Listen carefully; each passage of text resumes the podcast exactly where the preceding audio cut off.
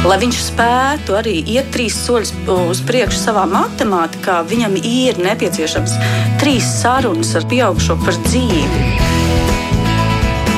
Mēs tiekamies ģimenes studijā.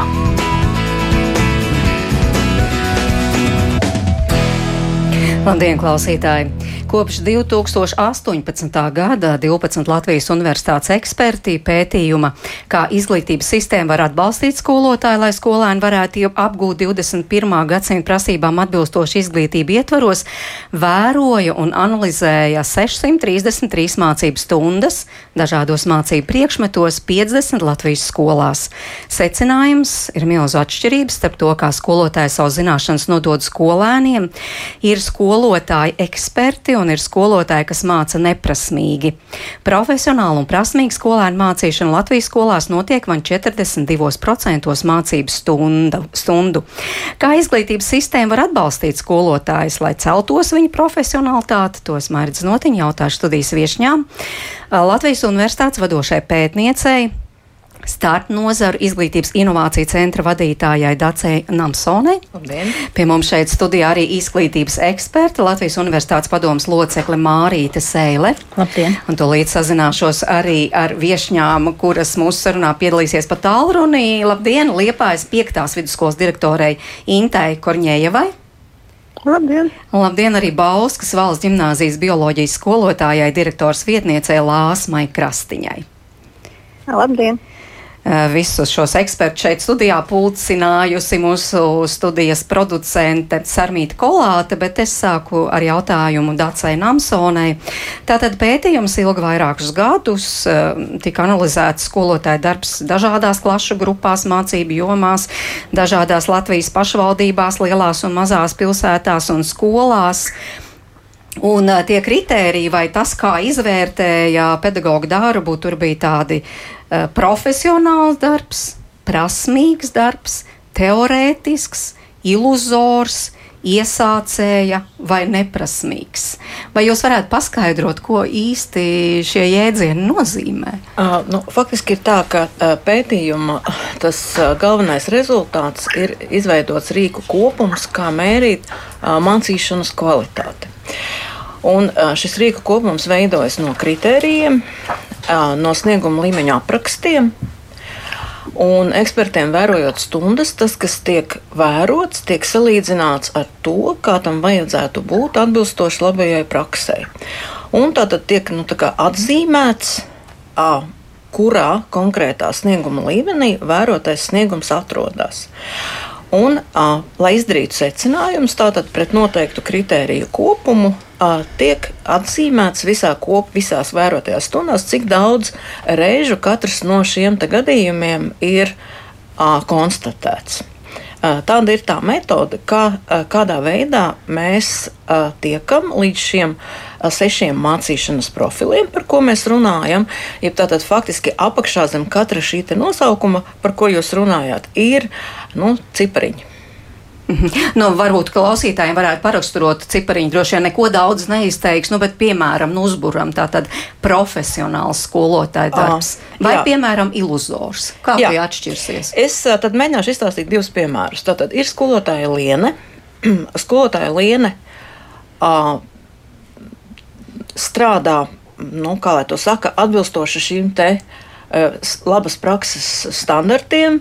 Eh, skolēniem stundās mēs tātad redzam, ir uzdevumi, eh, kas rosina domāšanu, ir iespēja sarunāties, izteikt savas domas, skolēni saņem atgriezenisko saiti un daudzas šīs lietas, par kurām mēs jau daudzus gadus runājam, kā tam vajadzētu būt. Un tas būtu profesionāls Jā. darbs. Jā. Un ir piemēram skolotāja Ilga, kurai ir maiturības skolotāja, kurai vajag stundas, loģiski, cilvēkam vajag darbu, jo nav pilnas slodzes mācot mājturību, un direktors viņu ir pierunājis mācīt ķīmiju. Un viņa ir beigusi A, nu, tā saucamo B programmu, kas ir 140 stundu apjoms. Tātad mācījusies nepilnu mēnesi, tagad ir nonākusi situācijā, ka e, viņa māca ķīmiju, bet tam māca vairākās skolās. Un a, skolēni strādā, skolēni mācās, bet ir redzams, ka ķīmiju neiemācās. Un faktiski it kā process notiek, bet tas nerezultējas ar pievienoto vērtību konkrētajā mācību priekšmetā. Un ir arī, kas arī ir ļoti labi saprotams, jo kā gan ilga pati vispār var uzzināt to, vai tas, ko viņa dara, mācot šo jauno priekšmetu, vispār atbilst labai praksē, un kurš skolā uz vietas viņai var palīdzēt, ja viņa ir vienīgā, kas vispār skolā ar ķīmiju strādā.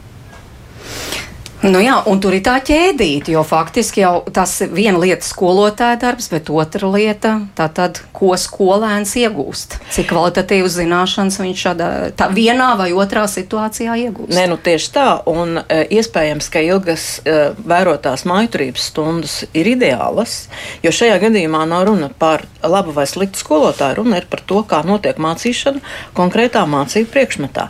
Jo mēs esam milzīgā skolotāja deficīta situācijā ar ko saskars visas skolas, un katra skola meklē to risinājumu atbilstoši savām iespējām.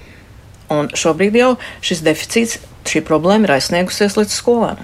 Jā, bet tā ir tie nu, starptautiski atzīta kritērija. Jā, tā, piemēram, arī skolotāju darbu izvērtē citur. Uh, šis uh, jautājums par mācīšanas kvalitātes vērtēšanu ir ārkārtīgi sensitīvs. Latvijā šis ir tāds tabū jautājums, pret ko skolās iekšienē strādājošie runā parasti ļoti negribīgi, jo mums nav šādas prakses. Ja mēs skatāmies uz tādām valstīm kā Austrālija vai Amerikas Savienotās valstis, tad tā ir ikdiena. Un šie snieguma līmeņa apraksti pret to, kā notiek mācīšana, ir plaši pieejami un literatūrā ļoti daudz aprakstīta. Ja? Tas tādā nozīmē, tas nav jaunatklājums. Tas, ko mēs izdarījām no jauna, mēs tieši fokusējāmies uz šīm 21. gadsimta prasmēm un uz mūsu Latvijas kontekstu. Tās noteikti atšķiras. 21. gadsimta prasības atšķiras no tām, kā bija pirms 20 gadiem. Protams, jo šobrīd mēs skaidri sakām, ka tieši tāpat kā mēs mācām lasīt, mēs arī mācām skolēnam domāt. Eh, nevis eh, tā kā uh, ceram, ka viņš pats no sevis to iemācīsies. Uzrunāja Liepājas 5. vidusskolas direktoru Intu Korņējevu. Jūsu skola piedalījās šajā pētījumā labprātīgi. Es saprotu, varēja piedalīties. Kāda bija jūsu motivācija? Nu jā, mēs piedalījāmies labprātīgi, un, un acīm redzot, lietas notika īstajā laikā, kad tam jānotiek. Jo mēs jau paralēli pirms iesaistīšanās pētījumā bijām sākuši domāt par to, kā atbalstīt katru skolotāju tajā punktā, tajā, kas viņam ir nepieciešams. Līdz ar to nu, ceļot viņu profesionālo kvalifikāciju. Un tad vienlaicīgi nāca informācija ar Dārsa Namsones aicinājumu iesaistīties šajā projektā. Tā tad bija pienācis īstais laiks. Bet tas nozīmē, ka jūs jau iepriekš skolā izvērtējāt katru skolotāju darbu, un jums nebija pārsteigums, ka, piemēram, viens kolēģis novērtēts kā profesionālis, bet otrs kā iesācējs vai neprasmīgs. Nu, mums līdz tam nebija tāda, tāda novērtēšana, bet tā kā mūsu skola ir ļoti liela un mums ir vairāk nekā simts skolotāji, mēs sapratām to jau sen, ka mums ir tiešām eksperta līmeņa skolotāji un mums ir iesācēja līmeņa skolotāji.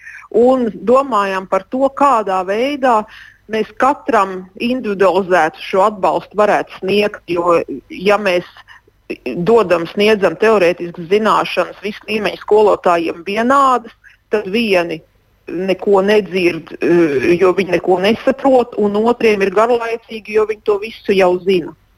Nu, kā jūs zinājāt, kā jūs izvērtējāt, ka jums tas un tas ir eksperts, skolotājs, un varbūt kāds tomēr nestrādā tik labi, kā vajadzētu? Nu, jā, nu, tas jau bija tas jautājums, ka tā iesākumā viss bija sajūtu līmenī, e, skolotā, skolēnu aptauju izpētes līmenī un, vecāku, vecāku aptauju izpētes līmenī. Bet mēs to gribējām vienkārši sistematizēt un izveidot kā sistēmu. Un mēs sapratām, kā ar administrācijas resursiem vien nepietiek Un līdz ar to mēs izvēlējāmies desmit skolotājus no mūsu vidus, kurus mēs uzskatījām vairāk vai mazāk par ekspertiem, nu, par prasmīgiem skolotājiem. Un tad, tad katrs, katrs no šiem desmit skolotājiem saņēma savā pārziņā, pāraudzībā astoņus līdz deviņus kolēģus, un vienlaicīgi šī sīts projekta ietvaros šie desmit skolotāji uzsāka apmācības, lai mēs skolā, un arī skolas administrācija uzsāka apmācības, lai mēs skolā visi vienādi uh, mācītos, ieraudzīt to, kas patiešām stundā notiek un kā skolēnu mācīšanās tiek virzīta. Jā, mēs noteikti arī raidījuma gaitā analizēsim, kā šo situāciju mainīt un uzlabot, bet tiešām vispirms gribu tomēr saprast to esošo situāciju. Bauskas valsts ģimnāzija arī piedalījāties pētījumā? Nē, neesam piedalījušies. Vai ir bijis vai notiek tāds skolotāju darba izvērtējums ikdienā jūsu skolā? Nu, izvērtējums notiek, to arī prasa, prasa administrācijā veikt katru gadu. Bet noteikti piekritīšu, ka tādi līmeņi vairāk var palīdzēt nekā varbūt ikdienā izmantotās veidlapas, ko arī, protams, veidojam 21. gadsimta. Jo tajā brīdī, kad ir šie līmeņi pieejami, tad skolotājiem nav tikai novērtējumi, bet tiešām redzēt, kas ir jāizdara, lai tiktu tālāk uz nākamo līmeni. Līdzīgi kā skolēniem mēs šo sniegumu līmeņu aprakstu izmantojam. Un, ja mēs skatāmies, teiksim, kurās tad jomās tiešām tie līmeņi ir zemāki nekā vajadzētu, tad tā ir tehnoloģiju joma un dabas zinātņu vispirms, jā, jā vai ne? Tā, kopumā tā var teikt. Jā, Dats Namsoni, jā. Un, jā, jūs vēl. Jo tas ir arī saistīts ar šo ļoti ieilgušo skolotāju trūkumu problēmu eksaktajos priekšmetos, par ko gadiem tiek runāts. Eh, vai tas jūs saprauc, satrauc vēršos pie Mārītas Sēles, jo jūs eh, tomēr šo eh, dabas zinātņu jomu esat visu laiku uzsvērus, cik tas ir svarīgi, jā, un uzzinot šos rezultātus. Jā. Vai, vai varējāt pārliecināties, ka tas jau bija sen zināms, vai tomēr bija pārsteigums? Um Diemžēl eh, nebija pārsteigums, eh, bet eh, tās atšķirības, kas parādījās pētījumā par tieši dabas zinātņu un tehnoloģiju jomas skolotāju nu, profesionalitāti, pat, pat man bija. Nu, tā plaisa izrādījās pat lielāka nekā spētu iedomāties. Lai gan, nu, lai gan ir saprotams, ka tas ir li likumsakarīgi, jo dabas zinātņu tehnoloģiju jomā mums visvairāk pietrūks speciālistu. Un, tieši šajās jomās visbiežāk pēdējos gados ienāk skolotāji, kuri ir vai nu savas jomas profesionāļi, bet uh, nu, nekad nav mācījušies mācīšanas metodiku, kā, kā man iemācīt citiem uh, no, no to, ko es zinu. Un, vai arī tie ir cilvēki, kuri, kā, kā Dārts minēja iepriekšējā piemērā, kur ir mācījuši maiturību vai matemātiku, labākajā gadījumā vai, vai kādu citu priekšmetu un ar ļoti nelielu stundu skaitu ir mēģinājuši piemācīties šos priekšmetus. Un šis pētījums, manuprāt, ir, ir ļoti, ļoti, ļoti eh, pareizā brīdī, jo īstenībā mēs Latvijā šobrīd esam milzīgas diskusijas priekšā, ko darīt, jo īpaši ar eksakto priekšmetu skolotājiem, vai mēs varam pieļaut situāciju, ka, piemēram, inženieri mācās 72 stundu kursos un tad iet skolā strādāt, vai, piemēram, programmētāji. Un, un šāda diskusija ir, ir notikusi arī politiskā līmenī, vai to darīt vai nedarīt. Jo es personīgi neesmu piekritējis šādai, šādai pieejai. Manuprāt, tā ir e, īslaicīga cauruma aizlāpīšana. Jo no vienas puses, nu, droši vien mēs katrs pazīstam skolotājus, labus skolotājus, kur iespējams nu, nav mācījušies, um, varbūt arī pedagoģiju, tiešām ir nākuši no profesionālās jomas un kļuvuši par labiem skolotājiem, bet ir jāsaprot, ka tie ir, ka tie ir izņēmumi. Un, un man liekas, ka skolotāja profesionalitāte precīzi saprast, kā bērni mācās, kā jaunieši mācās, kā viņiem labāk savas profesionālās zināšanas nodot. Un, un klasē ir arī nu, tāda tēma kā klasvadība, ko man, ko man iesākt ar, ar, ar Ja mēs dzīvotu ideālā pasaulē, kur visi bērni ir atnākuši uz skolu, tāpēc, lai centīgi mācītos un klausītos skolotājā, tad droši vien pieeja, ka man atnāk speciālists, kurš um, nav iedziļinājies uh, veidā, kā cilvēki mācās un kā viņus motivēt. Iespējams, šī metode strādātu izcili labi, eh, bet, diemžēl, reālajā pasaulē mums klase ir tikpat daudzveidīga, kā, kā mēs visi cilvēki visapkārt. Viens atnāk no rīta varbūt nepaēdis, cits atnāk sabēdājies, jo viņam neiet kaut kas labi ģimenē, cits ir nelaimīgs, jo viņš, piemēram, matemātiku nesaprot jau gadu, un, un viņam nav nekāds atbalsts, un katra diena kļūst tikai sliktāka un bezcerīgāka. Bet šajā klasē ir arī kāds ļoti apdāvināts bērns, kuram viss notiek par lēnu, un tieši tādā klasē skolotājs nokļūst. Un, un šis piemērs, nu, manuprāt, ir tāda laba ilustrācija tam, ka būt skolotājam nenozīmē tikai zināt priekšmetu. Jā, nu, kā jau jūs te pašs teicāt, tas tomēr ir saistīts tas, cik kvalitatīvi skolotājs māca kādas pēc tam skolēna zināšanas. Vai tā viena no ilustrācijām, tā svaigākā ilustrācija šim uh, faktam varētu būt arī matemātikas, pamatskolas matemātikas eksāmenu rezultāti? Tur skaidrības vēl pilnīgi simtprocentīgs laikam nav, bet, nu, tā tad pietiekams skaits ir izkritis skolotājs nav spējis iemācīt, piemēram, matemātiku, lai saņemtu, uh, lai parādītu, ka vismaz zina 10% no vajadzīgām zināšanām. Un, un, šeit nu, tad, tad, tad, tad, un, atkal ir precīzi jāsaprot, ka skolotājs skolā nestrādā viens pats. Un īstenībā sliktus rezultātus matemātikā ne, nedrīkstētu novelt tikai uz konkrētu skolotāju neveiksmēm. Skola vienmēr ir uh, komandas darbs. Matemātikas rezultāts ir atkarīgs arī no tā, ko skolas vadība, ko skolas direktors dara skolā, kā viņš organizē darbu, vai skolotājiem ir tiešām nodrošināts un skolēniem nodrošināts saulēcīgs atbalsts, jo īpaši eksaktajos priekšmetos ir ļoti svarīgi saulēcīgi pamanīt, ka bērnam neiet labi un skolas komandai ir izsnākt, kādu atbalstu var, var piedāvāt šim bērnam. Un, ja skolā šādas politikas nav, tad var izveidoties situācija, ka skolotājs, matemātikas skolotājs vienkārši atmet ar roku vai saka, ja mācies pie privāta skolotāja, kā būs, tā būs. Un, un tā mēs draudzīgi kopā, mēs kopā pieaugušie, norakstam šos bērnus un, un, un pieļaujam viņu nu, arvien lielāku nekompetenci. Es noteikti Jā. gribu turpināt to, ko Mārija teica, ka uh, ietekme uz rezultātu ir visai skolai kopumā.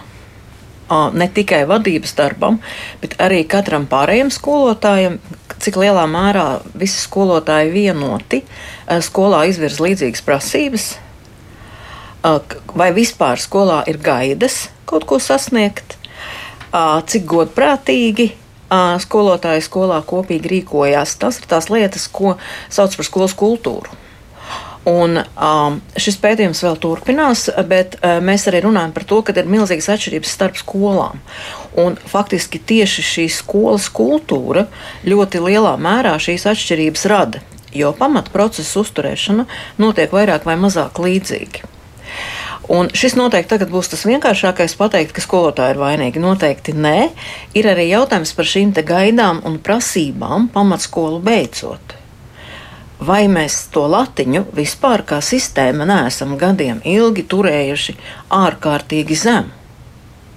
Un ka šobrīd šīs lietas vienkārši visas sanāk kopā. À, jo tie 10% no pavisam elementārām lietām, ja, ja skolēni to nevar izdarīt, nu, tas ir visas skolas kopējais. Tad tas, cik daudz mums ir šādu skolēnu? Ja tas ir viens, tad tas var būt individuāls gadījums. Bet, ja šo skolēnu ir vairāki, tad ir skaidrs, ka tā atslēga ir jau meklējama daudzos uh, cēloņos. Maz, maza piebilde, ja drīkst. Uh, es, es gribētu pat paplašināt šo, šo jēdzienu skolas kultūru, skolas politiku uz pašvaldības kultūru un pašvaldības politika. Viena no, nu, viens no mērķiem, manuprāt, teritoriālajai reformai bija lielākas, spēcīgākas pašvaldības, kuras arī pašvaldības ietvaros seko nodrošinātai izglītības kvalitātei. Jo arī politiskajā dienas kārtībā nu, daudzus gadus izskan kā trīs vārdu salikums - kvalitāte, pieejamība, izmaksu efektivitāte. Vai ne? Jo ir viegli nodrošināt jebkurus divus no šiem elementiem, bet nodrošināt šo trīs elementu līdzsvaru ir tiešām sarežģīti. Un līdz ar to pašvaldības loma ir, ir arī ļoti, ļoti nu, liela, lai savā pašvaldībā katram bērnam, neatkarīgi no tā, kur viņš ir dzimis, būtu, būtu iespēja mācīties labā skolā. Jautāšu arī kolēģiem eh, konkrēti, kas strādā skolā, piekrītat, ka nu, nevarētu arī šajā situācijā tiešām vainot konkrētu, tikai konkrētu skolotāju, ka jāskatās plašāk, kāda ir tā situācija gaisotne skolā un varbūt pat arī pašvaldībā. Inta Korņējeva. Jā, viennozīmīgi, un es pat gribētu vēl paplašināt šo, šo visu. Arī zināmā mērā tā ir valsts atbildība. Un, un šajā brīdī, jā, mēs skolās sastopamies ar, ar daudzu, varbūt nepārdomātu lēmumu sekām. Un ir ļoti, ļoti labi, ka mēs saprotam, ka šīs, šīs ir sekas ļoti daudz apstākļu kopumam. Un, protams, ka skola ir tā vieta, kurā mēs vis, nu, kārtām piekļūstam bērnam, jā, un ja skolā šī mācīšanās kultūra ir un, un skolēni redz, ka arī skolotāji mācās un apgūst jaunas lietas tad, tad arī skolo, skolēni sāk to pamazām darīt. Jo nevaram, skolēni jau nemācās no mūsu vārdiem, viņi mācās no mūsu darbiem. Un šobrīd, 21. gadsimtā, kad e, laika ir maz, Eh, cilvēki ir patērētāji sabiedrība, ir ļoti svarīga skolotāja profesionālitāte, kādā veidā viņš ieinteresē skolēnu mācīties to pašu matemātiku, kādā veidā viņš māca skolēnam domāt un kādā veidā tiek novērtētas arī skolēnu zināšanas. Es pat esmu matemātikas skolotāja un esmu saskārusies uh, ar, ar daudzām situācijām. Uh, es prasu, nu, kas par lietu, kāpēc nestrādā. Es domāju, Un ir, tā, un ir jau tā, ka es jau nezinu, vai tas skolēns domā, vai viņš saka, ka viņš domā. Un līdz ar to ir, ir ļoti, ļoti būtiski celt skolotāju profesionalitāti, lai, lai skolotājs saprastu un redzētu, kā iedarboties uz skolēnu, lai viņš tiešām sāktu domāt ar izpratni un ar interesi. Noteikti, jā. Balsts valsts ģimene. Mhm. Piedodiet, jā. jā, šis projekts vienkārši ir e, tiešām ļoti, ļoti labs sākums ļoti labs pamats situācijas konstatēšanai un labi, ka ir rīki, iedoti rīki, kā, kā situāciju mainīt. Bauskas valsts gimnāzija. Iespējams, ka vienkāršāk jums tomēr jūs esat valsts gimnāzija, jums ir iespēja atlasīt labākos skolēnus un tam līdzīgi, līdz ar to arī vieglāk strādāt. Varbūt arī labāks skolotājs, profesionālāks piesaistīt. Varētu. Es varbūt varētu precizēt, ka mēs esam perifērijas gimnāzija. Līdz ar to tas mīts, ka visas gimnāzijas var nodrošināt vienlīdz labu atlasu skolēniem, viņš noteikti ir mīts, jo nu, mēs vairāk arī cīnāmies ar šo demografisko situāciju reģionos, kur nu, mums nav no kā veidot to atlasu tik spēcīgi, varbūt kā mēs gribētos. À, bet varbūt par pašu jautājumu, tas, ko mēs redzam skolas ikdienas praksē, ir tas, ko arī eksperts jau minēja, ka ja visi pedagoģi vienojas par vienotām prasībām kādā mazā konkrētā jautājumā, tas efekts ir diezgan ātri ieraugāms arī skolā, skolēnu sniegumā, ikdienā mācību stundās, un arī datos jau viņš parādās. Jo tagad arī skolas pašvērtējums, kad veidojam un izvirzam sasniedzamos rezultātus katru gadu, mēs koncentrējamies uz vienu, divu mazām lietām. Un līdz ar to tā, sko, tā kultūra, par ko jūs arī runājat, ir ļoti, ļoti būtiska, ka tiešām viss visi pedagoģi vienojas, ka mēs darīsim visu un prasīsim visu vienādas prasības no skolēniem. Tā kā es noteikti piekrītu. Jā. Jā, Mārija Cēlā. Jā, es labprāt eh, pie, piebilstu par tēmu atgriezeniskā saite, jo, jo tas, ko šis pētījums arī rosina darīt, rosina vērot stundas, rosina skatīties, kas notiek tajā, precīzi tajā vietā, kur ir bērns un skolotājs savā, savā miedarbībā. Un jebkāds, manuprāt, jebkāds novērtējums, kas notiek reizi gadā, ir, ir formāls un neefektīvs. Tieši tāpat kā bērnam, piemēram, matemātikā, ir vajadzīgs atbalsts tad, kad viņš ir nokļuvis tajā pirmajā solītī, un es šo nesaprotu un netieku uz priekšu. Tas nozīmē, ka man šajā brīdī vajag atbalstu, un to mēs redzam arī, piemēram, daudz slavinātajā Somijas izglītības sistēmā, kur viņi min, ka savā mācību periodā, ja es pareizi atceros, gandrīz puse skolēni ir saņēmuši īpašu palīdzību, ko, ko varētu uzskatīt kā varbūt kaut kādu sliktu rādītāju, bet īstenībā tas ir ļoti labs rādītājs. Cilvēki nebaidās lūgt palīdzību, saulēcīgi pamanīt problēmu un risināt. Tieši tāpēc stundu vērošanai gan skolās, gan pašvaldības līmenī vajadzētu būt ikdienas darba sastāvdaļai, kur es paaicinu pie sevis savā, savā klasē eh, citus profesionāļus, un mēs kopā domājam, kā darbu izdarīt labāk, jo tu pats nevienmēr vari precīzi novērtēt, cik sekmīgs tu esi. Jā, atgādinu mūsu klausītājiem, tātad šodien runājām par pētījumu, kas atklāja skolotāju darba profesionalitāti, nu, to, cik prasmīgi viņi strādā, un tātad pētījums rāda, ka, protams, ir skolotāji, kur strādā ļoti profesionāli un ļoti prasmīgi, bet ir arī skolotāji, kur strādā vai nu teorētiski, vai iluzori, vai kā iesācēji, vai varbūt pat neprasmīgi, un tādu skolotāju Latvijā ir pietiekami daudz, un tiešām, ja mēģinājām to situāciju saprast, tagad mēģināsim arī saprast, ko darīt. Uh, paldies klausītājiem, kur iesaistās šajā uh, sarunā. Te, piemēram, daži komentāri par kādu skolas kultūru mēs varam runāt, ja daļa skolotāja ir antivakseri, kas izglītību iegūši 70. un 80. gados, un profesionālās pilnveids kurs tiek uh, atsēdēti un saņemts papīrs, bet jaunās metodas ikdienas darbā netiek ieviestas. Uh, Tad, piemēram, te arī jautā Voldemārs, kas un kad sāks izvērtēt skolotājiem pieejamo metodisko materiālu klāstu un kvalitāti. Vai arī, piemēram, Ieva prasta, tad kāds ir risinājums šai problēmai, piemēram, kā viņa raksta mums Liepājas ģimnāzijā, lai apgūtu matemātiku, nāks ņemt privātu skolotāju. Un nesam vienīgie no klases, tādu ir apmēram 45%, un tad mēs varbūt varam prasīt kompensāciju no ģimnāzijas. Jā, jo, starp citu, pētnieki jau arī jūs jau ne tikai gribējāt konstatēt to situāciju, bet meklēt arī risinājumus. Tieši, tieši tā. Tas, tā galvenā lieta šeit ir tā, ka šo šie profili tiek identificēti, lai tālāk būvētu risinājumus. Jo tas, ko mēs mēģinām teikt, ir, ka viena veida profesionālā pilnveida, kāda tā šobrīd tiek praktizēta, jo Mārīte jau tam pieskārās, šajā ļoti atšķirīgajā situācijā nevar dot rezultātu. Nu, varbūt arī Inte, Inte jau sāka par to runāt. Jo šeit ir pilnīgi citas šīs profesionālās pilnveidas vajadzības, kas prioritāri var dot uzreiz uh, ietekmi skolēnam klasē stundā. Varbūt tad mazliet paraksturojiet, lai klausītāji saprot, kā ir šobrīd Jo taču visiem skolotājiem tāpat ir jāiet kursos, nepārtraukti jāmācās, un kā vajadzētu būt. Uh, ir tā, ka ļoti bieži mēs lietojam tieši šo frāzi, kur jūs tikko minējāt. Tas, ko mēs dzirdam skolu ikdienā, ir iet uz kursiem. Un pārsvarā iet uz kursiem, uzzināt kaut ko jaunu. Šajā gadījumā mēs runājam par to, ka uh, teorijā sen pētniecībā ir definēta profesionālās pilnveidas ietekme. Proti, kādas izmaiņas, jeb kāpēc mēs ejam uz to profesionālo pilnveidu, ko mēs ar to gribam panākt. Ir citiem vārdiem sakot, ir tādas profesionālās pilnveids formas kā lekcijas vai darbnīcas, kurās jūs varat uzzināt kaut ko jaunu, labākajā gadījumā apgūt kādu prasmi, bet tas, kas būtu svarīgi, realizēt šo skolas vidē balstīto profesionālo pilnveidi, kas var panākt izmaiņas tieši tajā, kā skolotājs klasē kaut ko dara.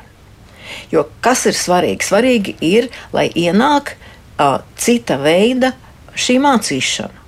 Un katrā no šiem minētajiem profiliem tas būs kaut kas cits, kas var uh, nostrādāt. Un tās ir tādas jau profesionālās pilnveids formas, ko nu, sen, sen, sen jau mēs visi zinām, ka jauniem skolotājiem ir mentori, kas nozīmē, mēs strādājam viens pret vienu. Taču situācija, kurā manis minētā skolotāja ilga sāk mācīt jaunu priekšmetu, jau pēc būtības ne ar ko neatšķirās. Ilga ir kā jauna priekšmetā. Tad ir jautājums, kāpēc sistēma nav paredzējusi, ka viņai būs šis atbalsts pieejams. Un, protams, ir otra lieta, cik tas atbalsts ir profesionāls un vai skolā uz vietas ir cilvēki cilvēki, kam ir apmaksāts darbs, kuri zina vairāk, lai viņi varētu priekšmetā palīdzēt. Mm -hmm. Jo mēs pārāk fokusējamies uz vispārīgām lietām un esam pilnīgi aizgājuši prom no tā, eh, kā mācīt priekšmetu.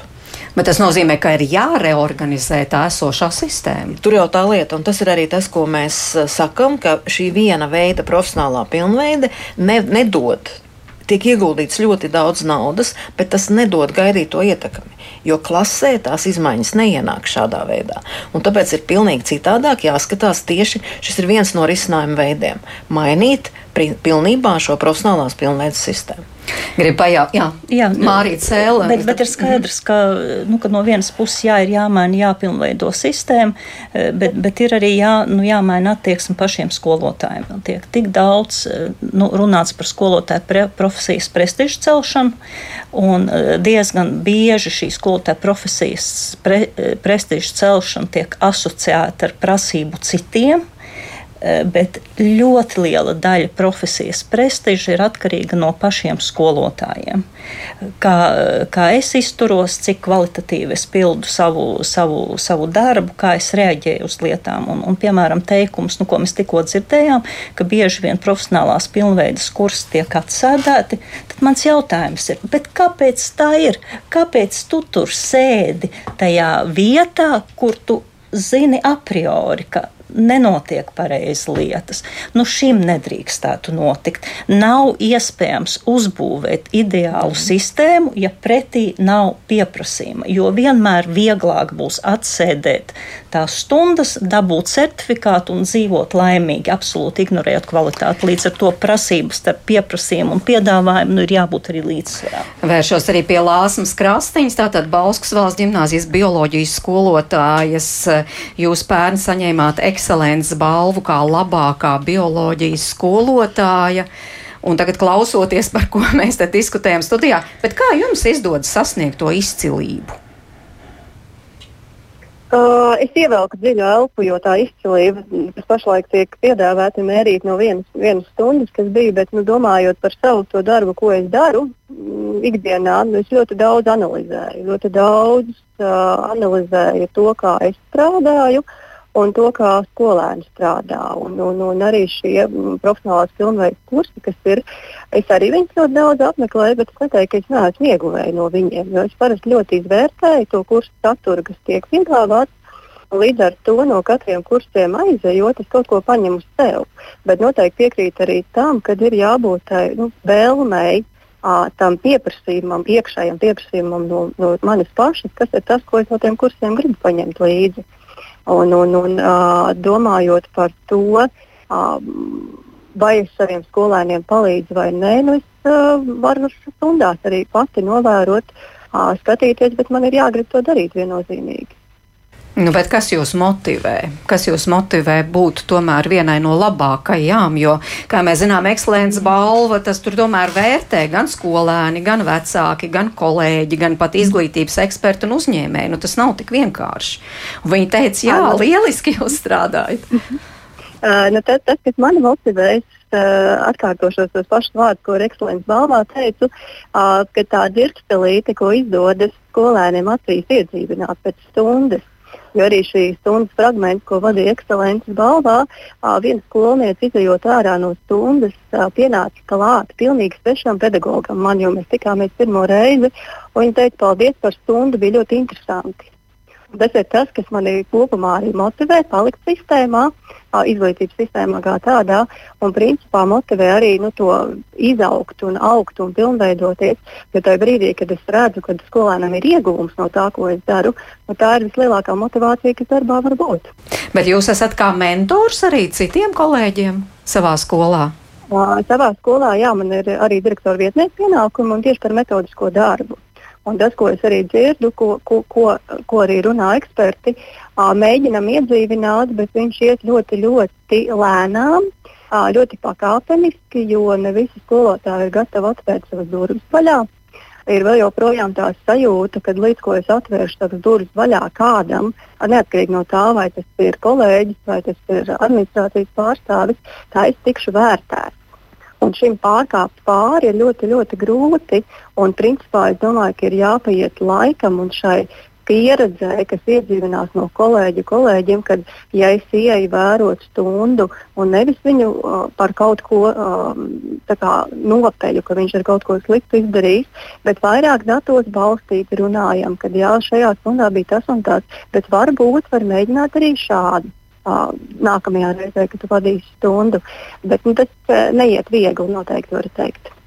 Kā liepājas 5. vidusskolā, ir jums taču arī izcili skolotāji noteikti. Viņi kļūs par tādiem kā mentoriem, kā virzītājiem, pārējo kolēģu uh, profesionālajā izaugsmē. Nu, es pilnīgi piekrītu iepriekšējai runātājai, jā, un, un, ka tas ir ļoti grūti skolotājam atvērt savus, savus klases durvis un uzticēties un, un iziet no šī narratīva, mani nāk vērtēt. Nu, mēs jau divus gadus strādājam pie šīs individualizētās tālāk izglītības sistēmas skolā. Pirmais gads mums pagāja tiešām, lai radītu šo savstarpējās uzticēšanās atmosfēru.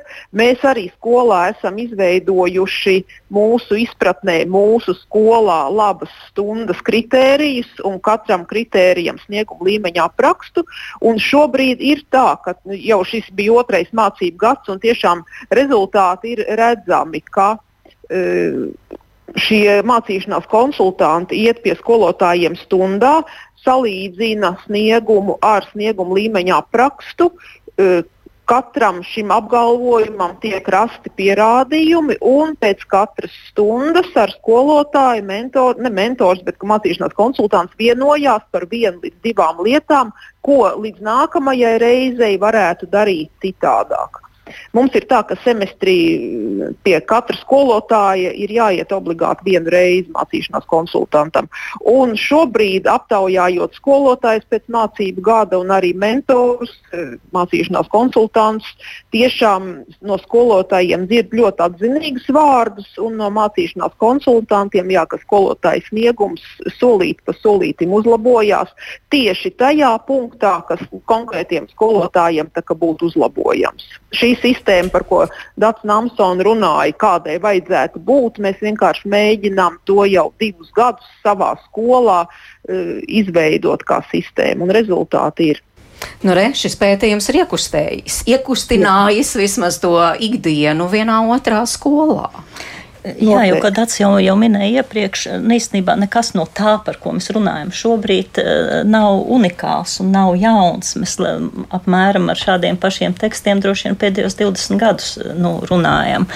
Ehm, bet eh, par atgriezenisko saiti ļoti svarīgi saprast, ka atgriezeniskā saita nenozīmē tikai negatīvas atsauksmes. Atgriezeniskā saita ir vajadzīga ne tikai tiem cilvēkiem, kuriem ir kādi trūkumi viņu darbā vai kāds domā, ka ir trūkumi, bet atgriezeniskā atgriezniskā saite ir vajadzīga katram profesionālim. Un atgriezniskā saite nozīmē gan pateikt, šo tu dari labi, mums ir jāmācās no šī, mums šī tava pieredze ir jāparāda vēl citiem skolotājiem skolā, un, un šeit varbūt ir kaut kas labojams. Ir, ir ļoti svarīgi šajā, šajā procesā saglabāt um, tiešām to sajūtu, ka tā nav vērtēšana, kritizēšana, bet ka tā pēc būtības ir mācīšanās un, un iespēja mācīties un, un augt. Jā.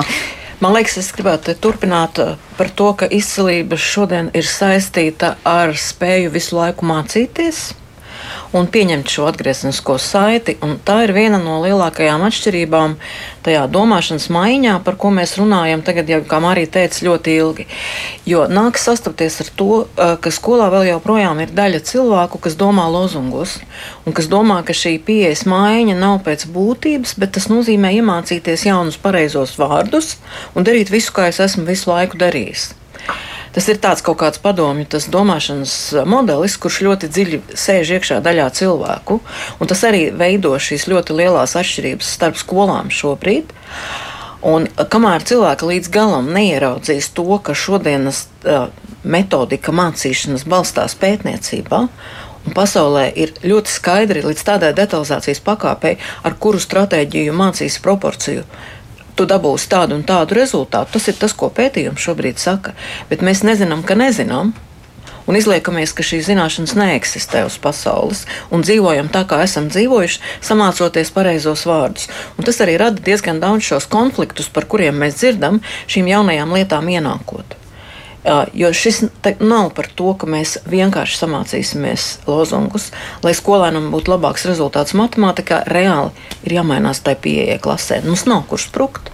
Nu jā, bet kā jūs izmainīsiet? Nu labi, bija pētījums, bija rezultāti, kā piemēram Agnes mums raksta. Nu tipiski Latvijai runājam, pētam, moralizējam, filozofējam, diagnosticējam, ieguldām budžeta līdzekļus, bet rezultātu nav uh, gadiem. Rezu jā, un šeit jā. es teiktu, ka to, ko Inti jau mēģināja teikt, ka rezultāti ir, uh, jo mēs uh, šai, šī pētījuma ietvaros izmēģinājām šīs visas jaunās profesionālās pilnveidas formas un strādājām ar konkrētām pašvaldībām, ar konkrētām skolām, kur ir skaidri redzams, ka tur, kur cilvēki grib mainīt lietas, tās lietas mainās. Un līdz ar to es esmu optimiste, jo strādājot ar kolēģiem, kuri grib, es ledzu apkārt ļoti daudz ieinteresētu, zinošu, gudru cilvēku, par ko es ļoti priecājos. Un tie, kuri negrib? Un tie, kuri negrib, tad, tad mums ir jau jāiet pie sistēmas līmeņa risinājumiem. Jo te ir tas jautājums, mēs pašlaik vairāk runājam par to, ko var darīt skolā uz vietas. Bet ir skaidrs, ka daļa no cēloņiem, kāpēc šī situācija ir tik ļoti uzkarsusi, ir saistīta ar lietām, kas ir sistēmā kopumā. Pirmkārt, jau sākot ar to, ka tiek uzturēts šis deficīts. Otra lieta ir tā, ka ir ļoti izplūdušas kvalifikācijas prasības. Trešā lieta ir tā, ka skolotāju sagatavošana ilgstoši neatbilst darba tirgumam. Tā ir bijusi ārkārtīgi šaura. Un, piemēram, gatavojot ķīmijas skolotāju, nu, viņam ir 4 stundas pamatskolā. Kā dabūt slodzi? Līdz ar to ir pilnīgi citādāk jāskatās uz to, kā dabūt skolā uz vietas darbinieku, jo tas ir elementāri, ka mēs varam paprasīt rezultātu, ja darbinieks mums ir pieejams. Ja darbinieks strādā trijās, četrās skolās, tad tas ir tas, ko direktori mums saka intervijās. Es gribu, lai skolotājs piedalās mācībās. Skolotājs man atbild, šī nav jūsu skolas diena. Ja? Uh, vēl ir uh, jautājums, kas ir saistīts ar to, ka šim skolotājam, kurš grib pārkvalificēties, nav vispār nekāda metodiska atbalsta. Nevienas institūcijas, kur kādam cilvēkam būtu algots darbs, būt ekspertam, piemēram, fizikas mācīšanā. Tādas profesijas ir pazudušas. Mums ir jāpārcērt burbuļu lokus, jo mēs ejam visu laiku pa apli, gribot, ka skolotāji veido mācību materiālus, par kuriem Valdemārs tur raksta, Jā. ka skolotāji veido eksāmenu, un skolotājiem pēc skolotāja darbs ir mācīt bērnus. Veidot mācību līdzekļus un veidot eksāmenus, tās ir profesijas citās valstīs, kur cilvēki par to saņem algu un mācās gadiem, kā to darīt. Un mēs nekad netiksim ārā no šī burvju loka ar materiālu kvalitāti un vispārējo, ja mēs turpināsim to darīt tādā veidā, kā mēs to darām. Nu, vai tas nozīmē, ka šis pētījums ir arī iekustinājis, rosinājis domāt nu, tādā augstākā līmenī, kā jūs sakāt, jau tādā valsts līmenī? Nu, jebkurā gadījumā, tad, kad pagājušā nedēļā bija pētījuma prezentācija, tajā piedalījās gan kolēģi no Izglītības un zinātnes ministrijas, valsts eh, izglītības satura centra un daudzām citām eh, struktūrām. Mēs pilnīgi noteikti arī esam publiskojuši šo pētījumu un, un arī šos ieteikumus tieši adresējuši izglītības politikas veidošanai. Noteikti nosūtīsim arī to, to pētījumu nu, tādā drukātā formātā ikvienam, kura atbildība ir kaut ko mainīt. Jo mēs šos risinājumus esam izmēģinājuši, un šie risinājumi strādā. Bet sistēmas izmainīt var tikai sistēmā tie, kuri, kā teikt, atrodas pie stūres. Mm, jā, varbūt trīs, trīs piezīmes. Viens, nu, viens pārmetums par, par daudz runāšanas. Um, nu, mēs nevaram iztikt arī bez, bez uh, konceptuālas runāšanas, vai ne? Bet, bet uh, teorētiskām sarunām, protams, vienmēr ir jābūt komplektā ar, ar praktiskām darbībām, bet uh, nu, ir, ir nepieciešams arī šīs sarunas. Un, neattaisnojums, bet ir jāsaprot, ka diemžēl visā faktiski bagātajā pasaules daļā šobrīd ir milzīgs skolotāju trūkums. Mēs neesam unikāli. Un, un šī ir tā atslēgas problēma, kura patiešām ir jārisina ne tikai Latvijā, bet ļoti, ļoti daudzās vietās eh, pasaulē šobrīd. Ja. Mums tas nav attaisnojums, lai mēs teiktu, citiem ir arī tikpat slikti, bet ir jāsaprot, ka situācija, kāpēc ir sli tik slikti, kā ir šobrīd, ir krietni globālāka. Un runājot par konkrētām lietām eh, un konkrētu palīdzību. Pagājušajā gadā ar eh, Latvijas elektronikas un elektrotehnikas rūp, rūpniecības eh, asociācijas iniciatīvu tika, nu, tika panākta sadarbībā ar Latvijas universitātes sadarbībā ar izglītības ministriju, ka šobrīd top un faktiski finiša taisnē ir metodiskais materiāls fizika viens skolotājiem, kas būs reāls mazs solītis, bet reāls praktisks solītis, lai 1. septembrī katram fizikas skolotājam būtu uh, plāns katrai stundai, kurš ir sagatavots kopā ar pētniekiem. Un skolotājs, protams, pēc tam šo var interpretēt, bet viņam būs labākais plāns, kādu, nu, kādu mēs Latvijā esam spējuši sagatavot ar saviem speciālistiem. Jā, tā kā te ir tā sadarbība tiešām pieņemsim, Protams. jā, uzņēmē, kur ieinteresēti, lai, lai pēc tam tie kadri viņiem būtu. Uh, mazliet palasīšu arī, ko mums rakstā. Nu, ITA, piemēram, raksta, diemžēl ir obligāti prasība 36 stundas, 3 gadu laikā, tāpēc skolotāju skaitu un pieskaitu, lai būtu vajadzīgais stundu skaits. Un sanāk obligāti atsēdēšana, tas par kur, kursiem, jā, tur arī Katrīna piekrīt, skolotāji tur atsēž, jo viņiem nav citas darba pieredzes, viņi nav spējīgi darīt darīt citus darbus. Nu, piemēram, Pēters raksta, šis pētījums ir darbības motivācija, par kādu kvalifikācijas celšanu var runāt, ja pie teikšanas ir palaisti jaunie metodiķi pēdiņās no skola 2030, kursos lielākoties viss sāks un beidzas ar dalīšanos pieredzē, pašas viņas neko nevar piedāvāt un tam līdzīgi, un tam līdzīgi, jā, arī Dāca, piemēram, tiešām interesē reāls risinājums, lai pārstātu kropļot bērnu psihi un pielietot jaunākās zināšanas bērnu attīstībā un psiholoģijā, un kad vienreiz pedagoģijas fakultāte sāks atlasīt normālus cilvēkus, nevis tikai pievāks budžetu ar personām, kam nav kur iet, un tam līdzīgi. Un tam līdzīgi tā kā diezgan skeptiski vismaz klausītāji no savas puses. Man liekas, ka šeit jūs tagad uh, izcēlāt ārā ar šiem komentāriem mm, milzīgu problēmu, uh, kura mm, faktiski ir saistīta ar to, ka skola, nu, katra atsevišķa skola ir slēgta sistēma. Un cilvēkiem no iekšpuses uh, ir kaut kāds viens priekšstats par to, kā funkcionē pasaule, bet ārā esošajiem vecākiem, piemēram, vai, kas strādā biznesā pie, vai, vai citur, ir nu, pilnīgi cita izpratne par to, kā notiek lietas. Kaut vai par to Mārītis jau daudzkārt pieminēto atgrieznisko saiti. Un šīs abas puses viena otru nedzird, jo tas, ko jūs lasījāt, ir vienkārši traki. Un šajā brīdī visticamāk, ja, to, ja šo klausās skolotāja daļa, viņa apvainojas. Jo katrs cilvēks tajā savā vietā, lielākā daļa mēģina darīt vislabāko. Un tad, kad à, ir slēgta sistēma, mums liekas, ka visi rīkojas tāpat kā es. Un šis pētījums parāda, ka tā, tie ir maldi. Tā tas nav. À, citi visi funkcionē citādāk. Un pirmā lieta, ja mēs gribam kaut ko mainīt, ir spēt pieņemt atgriezenisko sa saiti un beigt domāt kategorijās pareizi, nepareizi. Kā dzīvo skola, un turpina mācīt bērnus arī sākuma skolā. Jo ir jādabūna iekšā tā izpratne, ka, kas ir tajā pārējā pasaulē, kas strādāt uz mērķi un kā strādāt uz atgrieznisko saiti. Un e, to sistēmu vērt vaļā. Ja viņa nevērsies vaļā, tad mēs no šī konflikta arī netiksim prom. Mhm. Jo vien, no viena puse apvainojas, bet otra puse uzbruk. Tūlīt praktiķiem grib pajautāt, vairāk apvo, apvainojaties, e, nu, teiksim, izdzirdot šī pētījuma datus, vai tomēr tas ir tāds rosinājums darīt vēl labāk.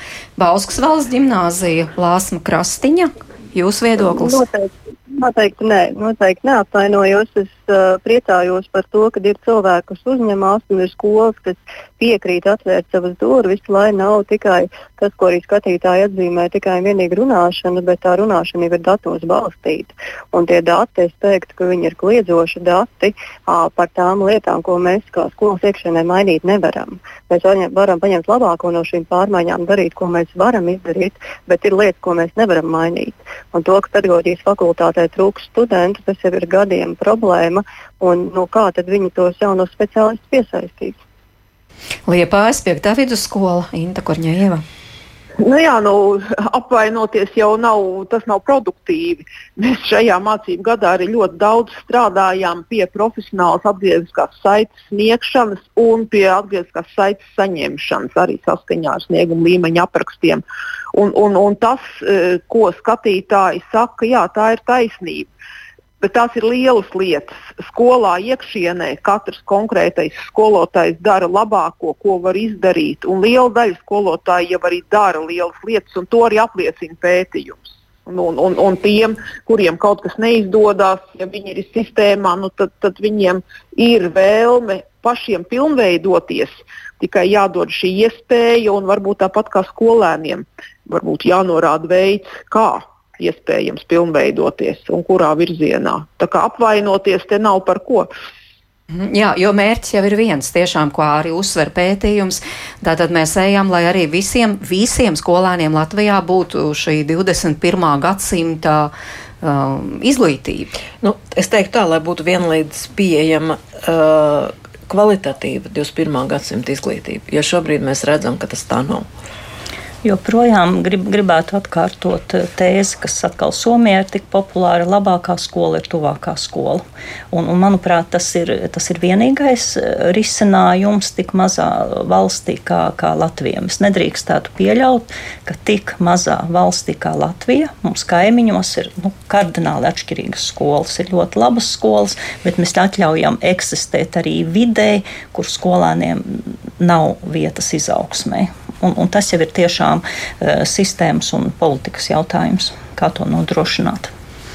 Cerēsim, cerēsim tiešām, ka šis pētījums būs uh, sasniedzis dzirdīgas ausis un ne tikai diskusijas un filozofēšana, bet arī reāli darbi sekos visās skolās. Un paldies par šo sarunu. Es saku Latvijas Universitātes vadošai pētniecei Dacei Namsonai, izglītības ekspertei Mārītei Sēlē, Liepājas 5. vidusskolas direktorei Intai Korņēvai un Bauskas valsts ģimnāzijas bioloģijas skolotājai arī direktors vietniecei Lāsmai Kras. Astiņai. Paldies jums, ka klausījāties, ka iesaistījāties šajā sarunā. Radījuma producente Sarmīta Kolātes, Mērķis Notiņa bija pie mikrofona, un mēs tiekamies rīt, kā vienmēr 5 minūtes pār diviem. Parunāsim par šo te mītu vai varbūt patiesību, ka vasara ir īstais laiks, lai nostiprinātu bērnu imunitāti, tātad, lai pēc tam rudenī gan mazi, gan lieli mazāk slimotu, biežāk iet uz izglītības iestādēm. Kā tad pareizāk to darīt? par to tātad rīt. Uz sadzirdēšanos!